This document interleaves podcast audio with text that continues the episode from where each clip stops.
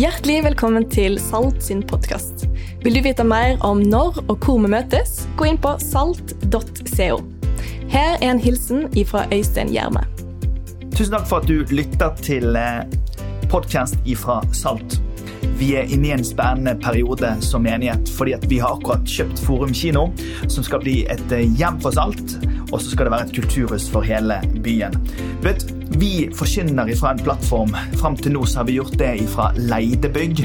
Nå har vi muligheten til å investere i et bygg som skal velsigne mennesker i mange år framover. Vi ber denne høsten medlemmer og venner og partnere og folk som lytter til denne podkasten, om å gi et bidrag for at vi skal kunne komme i havn med egenkapitalen til dette prosjektet. Så hvis du vil, ta og vips noen penger til 12345, eller gå inn på salt.co slash forum og les hvordan du kan være med og bidra. Vi trenger hjelp fra mange for å nå i land med dette, og sammen bygge en plattform hvor vi kan nå enda lenger. Så tusen takk for din gave. Alright, folkens, Skal vi gi en kjempeapplaus for gjengen som har vært og ledet oss så langt? Veldig, veldig veldig bra jobbet. Det var ikke så bra jobbet av dere. Det var mye dårligere applaus nå enn på den forrige. Kan jeg få en kjempeapplaus for gjengen som er her foran? All right. Da Da snakker vi. Thank you, thank you. På vegne av bandet og alle som har vært med og bidratt, og teknikere og alle som har vært med. Tusen, tusen, tusen hjertelig. Går det bra, folkens? Det går bra med Ruben. Går det bra med dere andre òg? Ja, det var godt. Det var godt. Mitt navn er Kristian Torbjørnsen. Jeg er, jeg er ja, pastor i Salt, Nordhordland. Det er altså da nord om Brune, som vi sier på, på, landet. Og jeg trives godt der. Og jeg har fått gleden av å være her i hele dag. Så eh, nå har jeg sett fram til liksom, avslutningen. Så nå skal vi ta ut det aller siste. Så hvis noen kan bære meg av scenen om en halvtimes tid, så er det veldig bra. Håper dere er klare. Er dere klare? All right. Vi skal snakke om se Gud. Kan du si 'se Gud'? Ja, veldig, veldig, veldig bra. Dette lover godt. Og for, for uh, deres del så skal jeg starte stoppeklokken nå, sånn at det ikke liksom tar helt av. ikke sant? Det ville vært for gale. Nei da. I går så var jeg i besøk. Jeg var på TGI og spiste burger. Sånne, du vet, sånne her monsterburgere. Sånn som er for stort at du klarer liksom Det går ikke. Du må ha kniv og gaffel. Um, og det var veldig kjekt med en kompis som ble 40 år. Det er sykt lenge til jeg er der. altså. Sykt lenge til jeg er der. Men han har i hvert fall kommet dit. Og det som var litt gøy å se, det var at det var tre stykker der fra Salt Os. Det var fire stykker der fra Salt Nordhordland. Det var fire stykker der fra Salt her i sentrum. Og han sjøl har flyttet til Skien for å være med Truls og Gro og Salt Skien og det som skjer der. Utrolig gøy å treffes og vite det. For noen år siden så var vi aller fleste av oss en del av én kirke her i byen. Så du kan være ganske stolt, du som er en del av denne kirken, av at vi er en del av en kirke som er én kirke, men på flere steder. Det som var ett sted, har blitt til mange steder. Det som var én plass å komme til, var nå kan du gå til en lokal kirke. Ikke så himla langt unna der du bor. Og Det er et enormt privilegium. Og kanskje du er her, som om noen år er med på å starte en kirke. For vi har ikke tenkt å stoppe nå. Det kommer jo flere in years to come. Og eh, du har muligheten til å være med på det. Så hvem vet? Hvem vet? Jeg skal ikke peke deg ut, men Gud vet. Vi eh, har lyst til å starte denne serien med å se Gud. altså starte året med serien Se Gud, fordi vi tror at det er der det begynner. Jeg håper at jeg skal male et veldig klart bilde for deg i løpet av de neste minuttene. Og at det, er det å se Gud som er startpunktet for den kristne livet. Det er det å se Gud som er startpunktet for vandringen sammen med Jesus. Og det er det å se Gud som faktisk gjør at vi over tid kan fortsette å følge. At ikke vi mister han av syne. At ikke vi er opptatt av alle detaljene og alle greiene som skjer rundt. Alt stæsjet, om du vil. For det er lett for. Og Jeg håper at vi kan få samles om det. At den som får se Gud, den blir formet på innsiden. Vi tror på det. Vi har sagt her i kirken at vi ønsker å lede mennesker til et nytt og bedre liv i etterfølgelse av Jesus. Og vet du, Det starter ved at vi ser Gud. Og så skjer det noe her inne. Vi blir forvandlet, som det så fint heter, eh, fra innsiden og ut. Så det er målet, og jeg håper at du er klar for nettopp det. Salig er de rene hjertet, for de skal se Gud. Og du som er helt ny her i dag, flott å se deg. Eh, du kan høre på podkast og få liksom opptakten til, eh, til, dagen. for Vi prøver å tenke at vi bruker noen uker og holder oss på et tema. Vi har prøvd de siste ukene på å male det bildet tydelig. at Når det handler om det å være ren av hjerte, så er det Jesus som har sjekket ut på det. Det er han som har gjort det mulig for oss. Det er han som har gjort vi har rene hjerter. Det er ikke det at vi er så himla fortreffelige, selv om vi tror det ofte. Men det er faktisk det at vi har fått lov til å ta imot av det som Jesus har gjort for oss. Derfor kan vi få lov til å komme inn for Gud. Derfor kan vi få lov til å ha kontakt med Han som har skapt himmel og jord og alt som finnes i det. Det er faktisk ikke en plass vi kan være som ikke er en del av det Gud har skapt. Paulus den som skriver store deler av Det nye testamentet, han skriver, han, eh, han eh, snakker til en gjeng i Aten en gang, og han sier dette, Gud har skapt alt som rører seg. Det fins ikke noe menneskehender kan skape som liksom er plass til Gud i. Det er han som har gjort alt tilgjengelig. Det er han vi lever og er til, sier han. Og det gjorde han for at vi skulle kunne søke å finne han. Og vi er helt overbevist om at Gud er mulig å finne. I en tid hvor folk tenker 'Gud, what?' så er Gud mulig å finne. Han har gjort seg tilgjengelig, og jeg håper at du henger med i de neste minuttene. Siden vi har sagt at vi skal se Gud, så tenker jeg at da må vi nesten levere på det. Altså tenker jeg, Når du kommer til kirken, så Hvis vi kan levere på det, da har vi kommet ganske godt steg på veien. Midt i en tale som Jesus har i Johannes 14, så sier han det. Den som har sett meg, har sett Gud.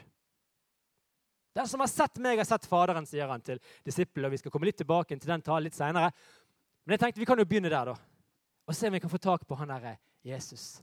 Så hvis du er med meg litt nå, så stirr intenst på de fire prikkene som er midt på scenen nå. i de neste 30 sekundene, Og så skal jeg ta tiden. Vær så god. Fire prikker i midten. Vel, Syns dere gjør en kjempegod jobb. Fortsett. Fortsett å stirre. Og du som hører på podkast, tenk at eh, neste gang skal jeg gå på gudstjeneste, for da ser jeg hva som skjer. Og Fortsett å stirre. Kjempeflott. Det nærmer seg. Vi snakker syv sekunder igjen. Fem, fire, tre, to, én. Og der kan du få lov til å blinke mens du ser på den hvite skjermen. og se Var det noen som så Jesus? Ai, ai, ai! Can you believe it? Altså, jeg mener, Tusen takk for meg. Tusen takk for at dere kom. Fantastisk. Så bra. Du kom til gudstjeneste, du fikk se Jesus. Du kan få lov til å gå. Det er helt nydelig. Fortell om det til noen venner, og så tar dere med neste uke. Yeah?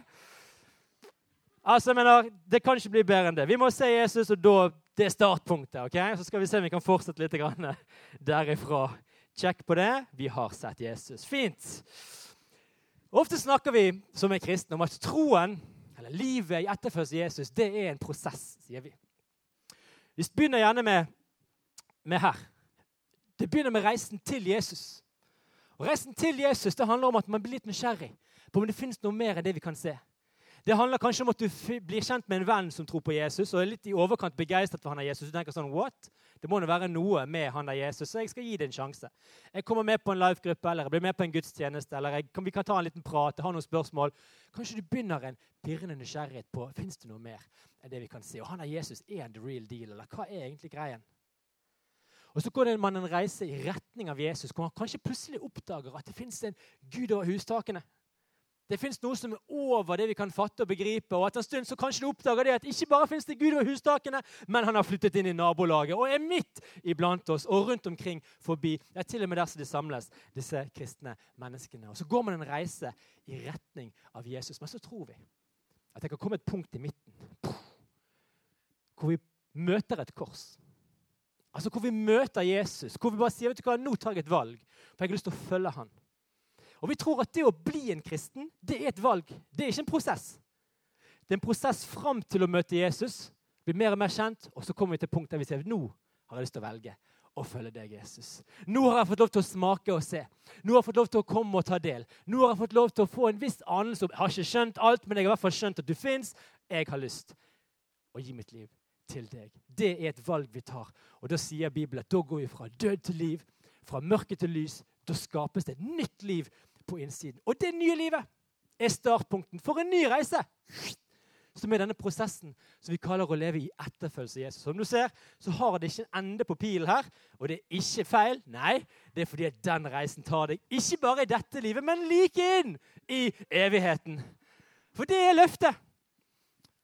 Den som tror på meg, han skal leve selv om han dør, sier Jesus. Den som følger meg, jeg er veien, sannheten og livet. Det finnes en vei til Faderen. Det er gjennom meg. Ja, det finnes en vei like til Gud. Den heter Jesus. Kristus, Det er et valg. Men så er det klart det. At det å møte Jesus, bli kjent med Jesus og leve som en etterfølger av Jesus, vel, det har jo ulike faser og ulike sesonger. Og man går som et menneske gjennom ting og tang i livet. Ulike sesonger. Et sted i starten hvor man har ha ekstremt mye tid. Man tror ikke man har det, men man har det. I promise you. Eh, og så begynner det å bli litt trangere om plassen etter hvert, og det skjønner du da at liksom, Hei, Janne, hva var det jeg drev med for liksom Sant? Og Vi skal se en, en, video nå som prøver å sette opp denne spenningen mellom en, en, en jente, Vilde, som skriver et brev til seg sjøl, sin eldre seg, for å si noe vet du, 'Dette fikk jeg oppleve. Ikke glem dette. Ta vare på dette minnet når du en eller annen gang et eller annet plass der framme blir voksen. Ta og Kikk på veggen bak meg.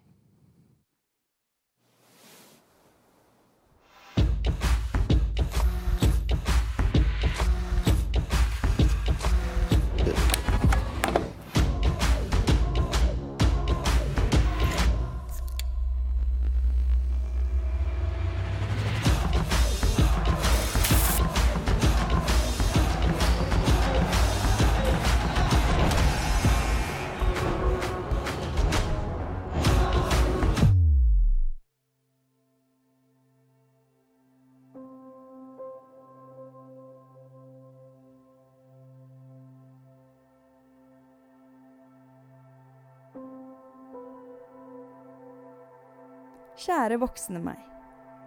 Grunnen til at jeg skriver dette, er for at du ikke skal glemme denne kvelden. Når du leser dette, er du kanskje blitt skikkelig voksen, med kids og greier. Men noen moments må du ha med deg hele livet. Denne helgen har jeg vært på ungdomskonferanse, og det sykeste skjedde. Hånden til Lisbeth, som hun skadet i fjor, ble helbredet. Det skjedde liksom ingenting etter vi ba. Jeg følte så sykt at Gud var der. Han har de beste planene for livet mitt. Jeg vet ikke helt hva eller hvor, men jeg vet at jeg vil leve sammen med Gud hver eneste dag resten av livet. På fredag skal jeg invitere hele klassen min med i kirken.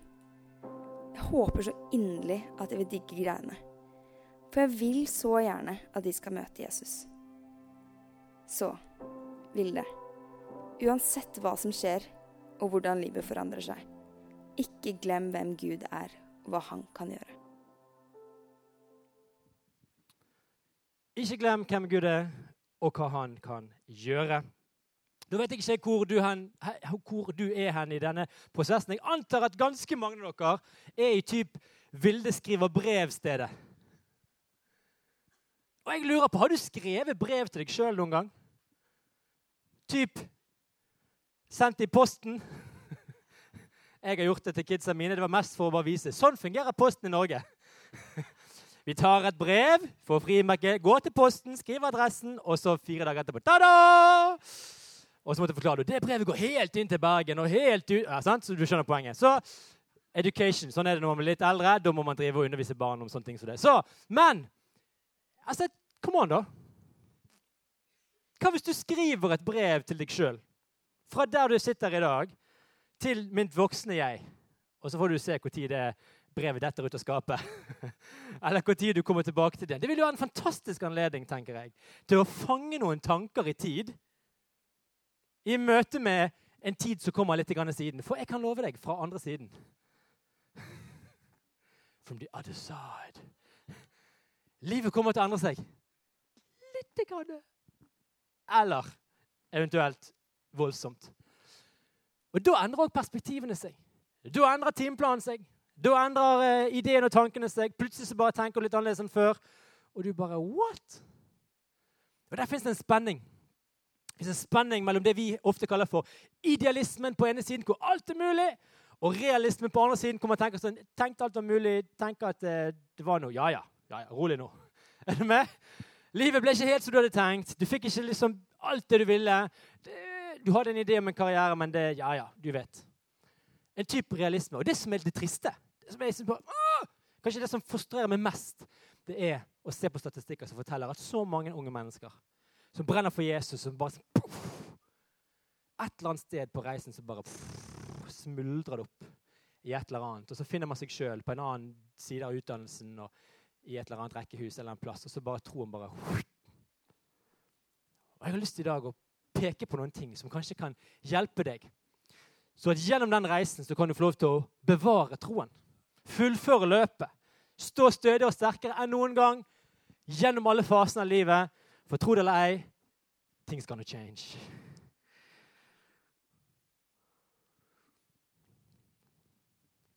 Den unge på ene siden alt er mulig.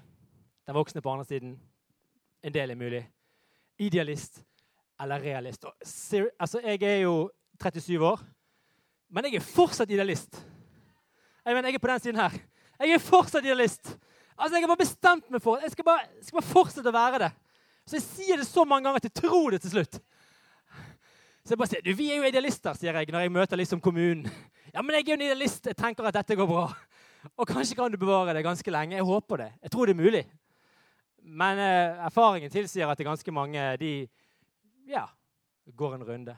Når jeg var tenåring, så var alt mulig. Søvn var ikke viktig. Dagen trengte ikke å slutte. Det vil si, dagen sluttet når han sluttet. Sånn. Og der var dagen ferdig. Da sovnet jeg. Og så våkner vi, og så begynner dagen igjen. ikke sant? Så da kan man stå og arrangere leir for tenåringer og bære staur ut i en skog klokken halv to på natten. 'Kom igjen, karer! Det går fint, det her.' Gjør det! Mm, sant? Ingen begrensninger. Alt går. Alt er mulig! ikke dere litt trøtte, da? Jo, jo, jo, men come on. Det er jo helg. Altså, Man finner en unnskyldning som gjør at ja, ja, det er ikke så nøye. Så de her kompisene mine sa sånn Kristian, du må finne deg en som bare er kritisk. Litt vanskelig. Sier sånn Er du sikker på det? Har du tenkt på helikopter? Hva med I don't know, firhjuling? Eh, men det fins en plass hvor liksom Så fins det kanskje en annen plass hvor det er litt mer typ Jeg er bare en mann som gjør så godt han kan. Men jeg får det ikke til. Det er bare sånn det er. Jeg er bare en mann. Bare en mann.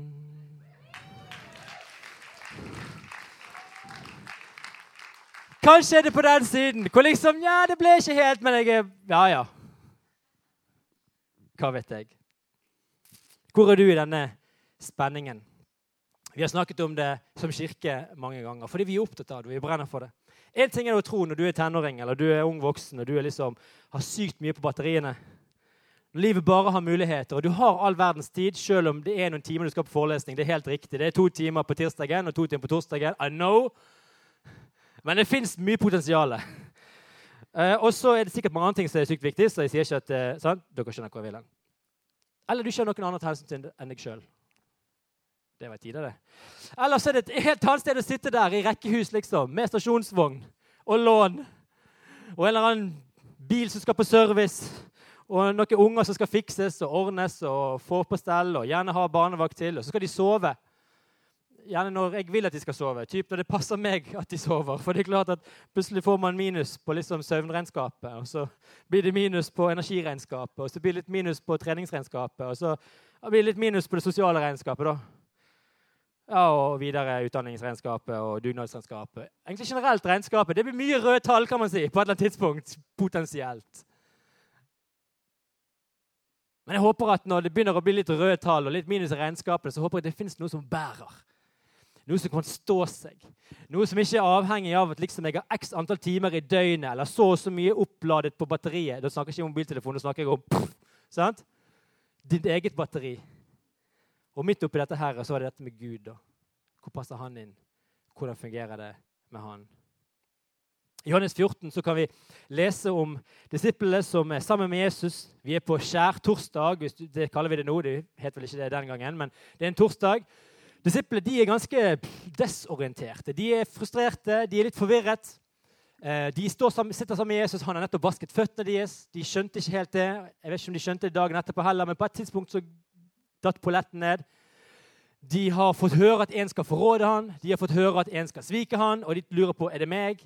Det er ikke meg, selvfølgelig. det er jo er det meg? Og alle peker på hverandre og tenker at det er i hvert fall ikke meg. Og Litt før så har Jesus ridd inn i Jerusalem, og alle tenkte at nå skjer det. For de hadde en idé om at Jesus skulle bli en sånn type konge som kunne ta over. og Jeg vet ikke hvor mye historie du kan, og sånn, men på den tiden så var, var det romerne som hadde kontroll på Israel. Så det var de som hadde liksom styringen. Og folket tenkte han er Jesus, det er kanskje redningen for akkurat det. Men idet han rir inn i Jerusalem, så går han feil. Det vil si, han går ikke feil, men de tror han går feil. De tenker han skal til høyre for å ta litt så inn til borgen til gjengen. Men så går han til venstre istedenfor mot tempelet, og så river han ut det som skjer der, og så sier han at dette er et bønnshus. Dere har gjort det til en eller annen røverhule. Og så tenker disiplene hva nå? Det var ikke det vi hadde tenkt. Det var ikke sånn det skulle være. Det var ikke sånn det skulle bli. Jeg skulle jo bli liksom statsministeren, og han ble Er du med? Så de står der og er lett forvirret, og Jesus sitt ord til dem i den situasjonen det er La ikke hjertet bli grepet av angst. Tro på Gud og tro på meg. Så fortsetter han. I min fars hus er det mange rom. Om ikke det var sånn, ja, da hadde jeg, sagt, hadde jeg da sagt dere at jeg ville gå og gjøre i stand et sted for dere.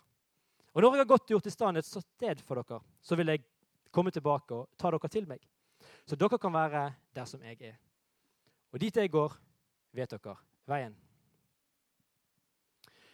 Thomas sier til han, 'Herre, vi vet ikke hvor du går. Hvordan kan vi da vite veien?' Og Jesus sier, 'Jeg er veien, sannheten og livet.' Ingen kommer til Faderen uten ved meg. Har dere kjent meg, ja, da skal dere òg kjenne min far. For nå kjenner dere han og har sett han. Da sier Philip, 'Herre, vis oss far, og det er nok for oss.' Jesus svarer, 'Kjenner du meg ikke, Philip?' Ennå jeg har vært hos dere så lenge. Den som har sett meg, har sett far. Hvordan kan du da si 'vis oss far'? Tror du ikke at jeg er far og far er meg? De ord jeg sier til dere, har jeg ikke fra meg sjøl. Far er i meg og gjør sine gjerninger. Tro meg, jeg er i far, og far er i meg. Og hvis det ikke er for annet, så tro det for selve gjerningenes skyld. Jeg tipper jeg så at de ble litt fjerne i blikket på slutten. Det er bare sånn Far og du og du og far og OK, bare tro det for Greit. Bare, bare Vi går for det nest beste. Bare tro det for gjerningens skyld. Det er ikke helt mulig å gripe, men la så være. La ikke hjertet bli grepet av angst. Tro på Gud og tro på meg, er det som Jesus sier. En bibellærer som heter David Pawson han sier at faith og faithfulness er to sider av samme sak. Tro og trofasthet er to sider av samme sak. Troen kan vi holde fast på. Og det å være trofast, det å være trofast, det å velge å holde fast på den troen som du har fått. Og den som holder fast på troen, skal bli frelst.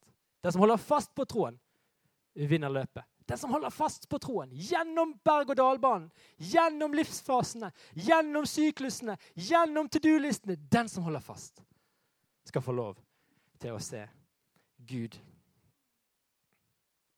Og Midt i kaoset av en hverdag eller stresset som møter deg der du er, midt i usikkerheten, tvil og alle spørsmål som du opplever eventuelt å ikke strekke til, ha tro på Gud og Jesus. Og Thomas, som i hundrevis av år etter sin død blir referert til som han som tvilte fordi han en gang stilte det spørsmålet om Jesus, om han var faktisk stod opp for de døde, han kaster seg på og så spør han det som du, ja, men Jeg fikk ingen himmelretning, liksom. Jeg er veien, sannheten og livet. Er det sør, eller er det nord? er det øst eller vest? Help me out here. For det var jo ikke første gangen at de hadde stått der som litt sånne spørsmålstegn og Jesus hadde undervist. Der står Jesus og preker til tusenvis av mennesker og sier Guds rike er som et såkorn som blir sådd i jorden. Og disiplene som bare Yeah!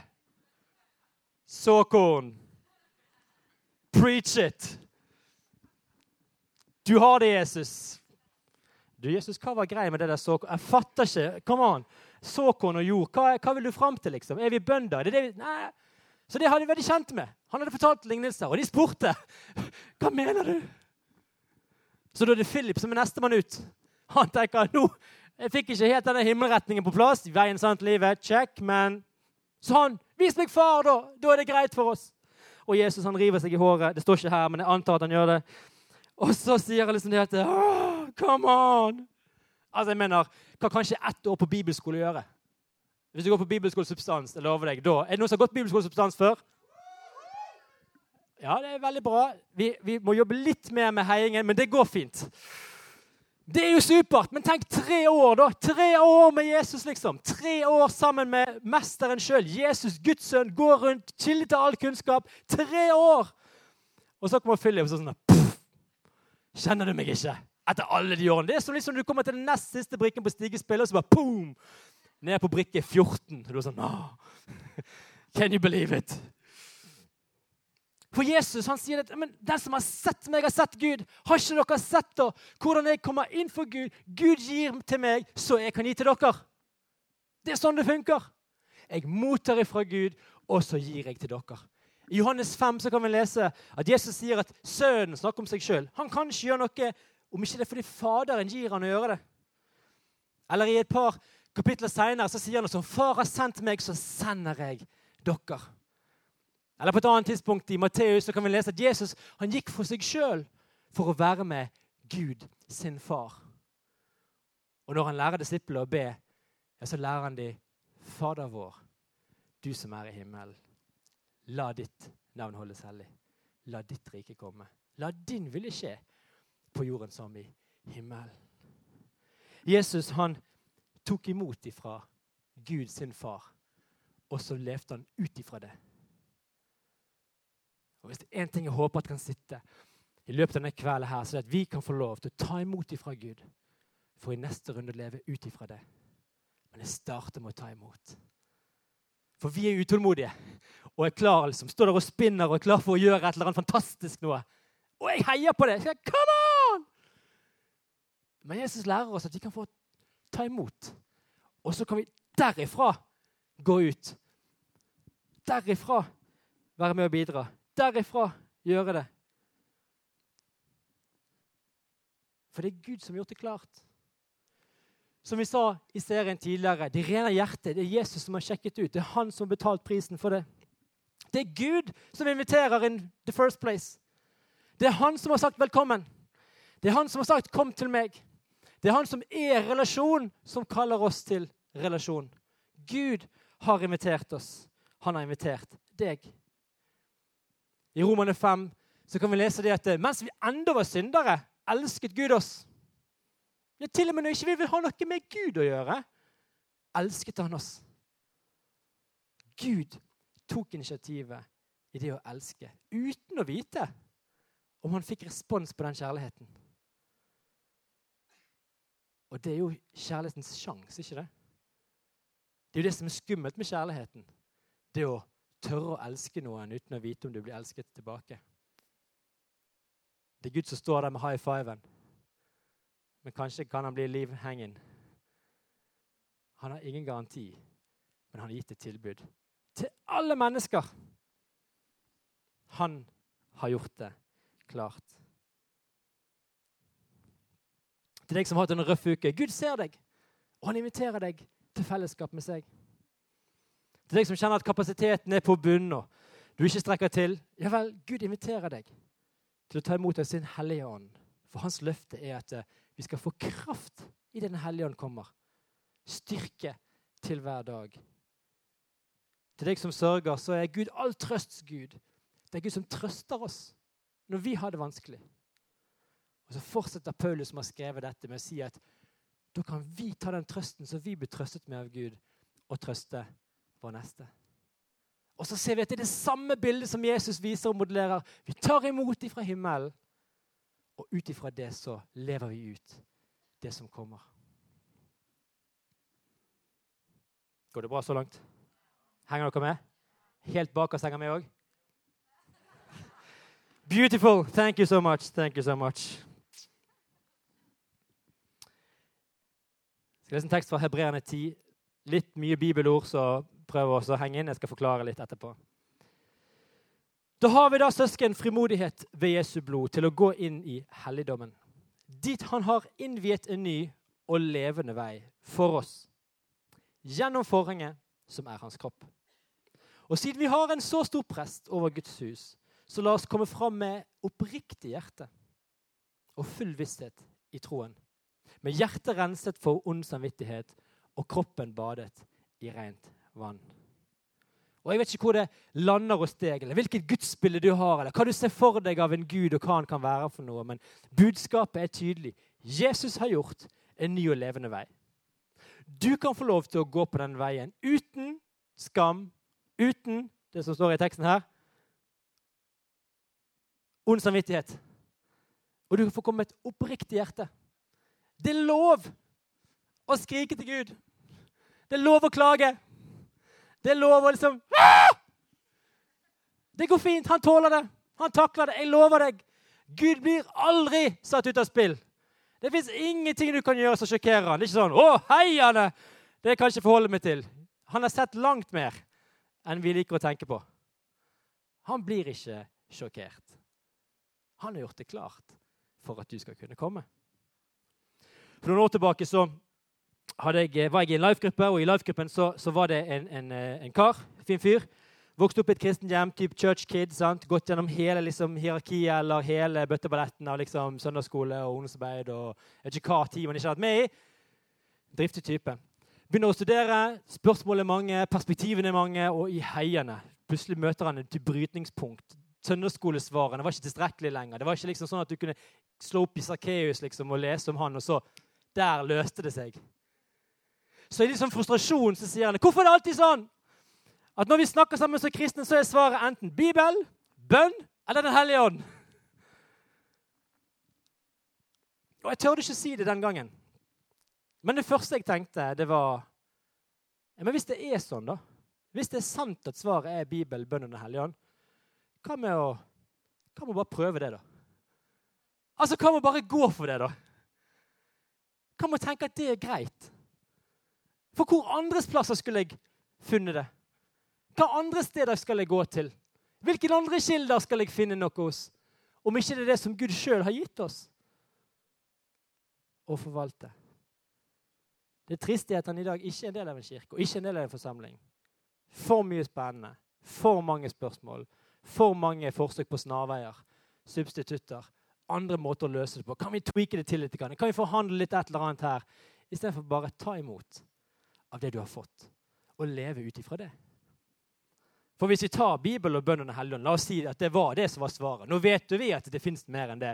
Men hvis vi var veldig enkle, og så holdt vi oss til det Og det, jeg tenker det kan man fint være. Så er det jo sånn at Gud har gitt oss av sitt ord. Og det er her jeg lærer Jesus å kjenne. Jeg finner ut hvem han var, hva han sa, hva han gjorde, hva han mente, hva han tenkte, hvordan han møtte mennesker. Alt det danner et bilde av hvem Gud er. For hans ord er den som har sett meg, har sett far. Og bønnen det blir som relasjon. Det er som Gud sier. Men bare kom og snakk til meg. Snakk til meg der du er. Snakk til meg om din oppturer og dine nedturer. Jeg tåler det. Jeg er med deg alle dager. Jeg vil forsørge deg. Og så kommer selve X-faktoren. The real deal. Tredje punktet på listen. Rosinen i pølsen. Er du klar? Den hellige ånd! For konseptet er jo det at Bibel er Bibel, men når Ånden kommer og puster på det, ja, da er ikke det bare ord i en bok lenger. Da blir det liv. Da blir det til åpenbaring, som vi kaller det på kristent språk. Da blir det til wow! Dette gjelder jo meg. Jeg har jo visdom her som jeg kan ta med meg inn i arbeidssituasjonen min. Jeg har jo visdom som hjelper meg i familien min. Dette hjelper meg på plass i livet. Takk Gud for du har fått gitt oss ditt ord. Og Den hellige ånd som åpenbarer for meg. Og Den hellige ånd når vi ber til Gud, sørger for at ikke det bare er ord ut i luften. sånn.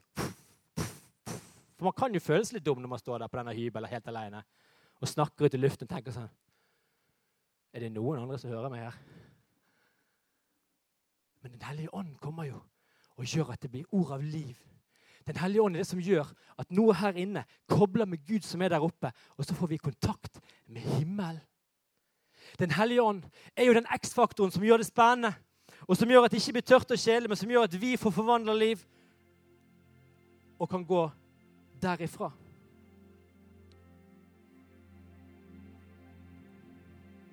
Jeg tror det starter med å ta imot ifra det Gud har gitt oss. Og så kan vi leve ut ifra det. Og da kan vi leve med kaos. Da kan vi leve i kriser.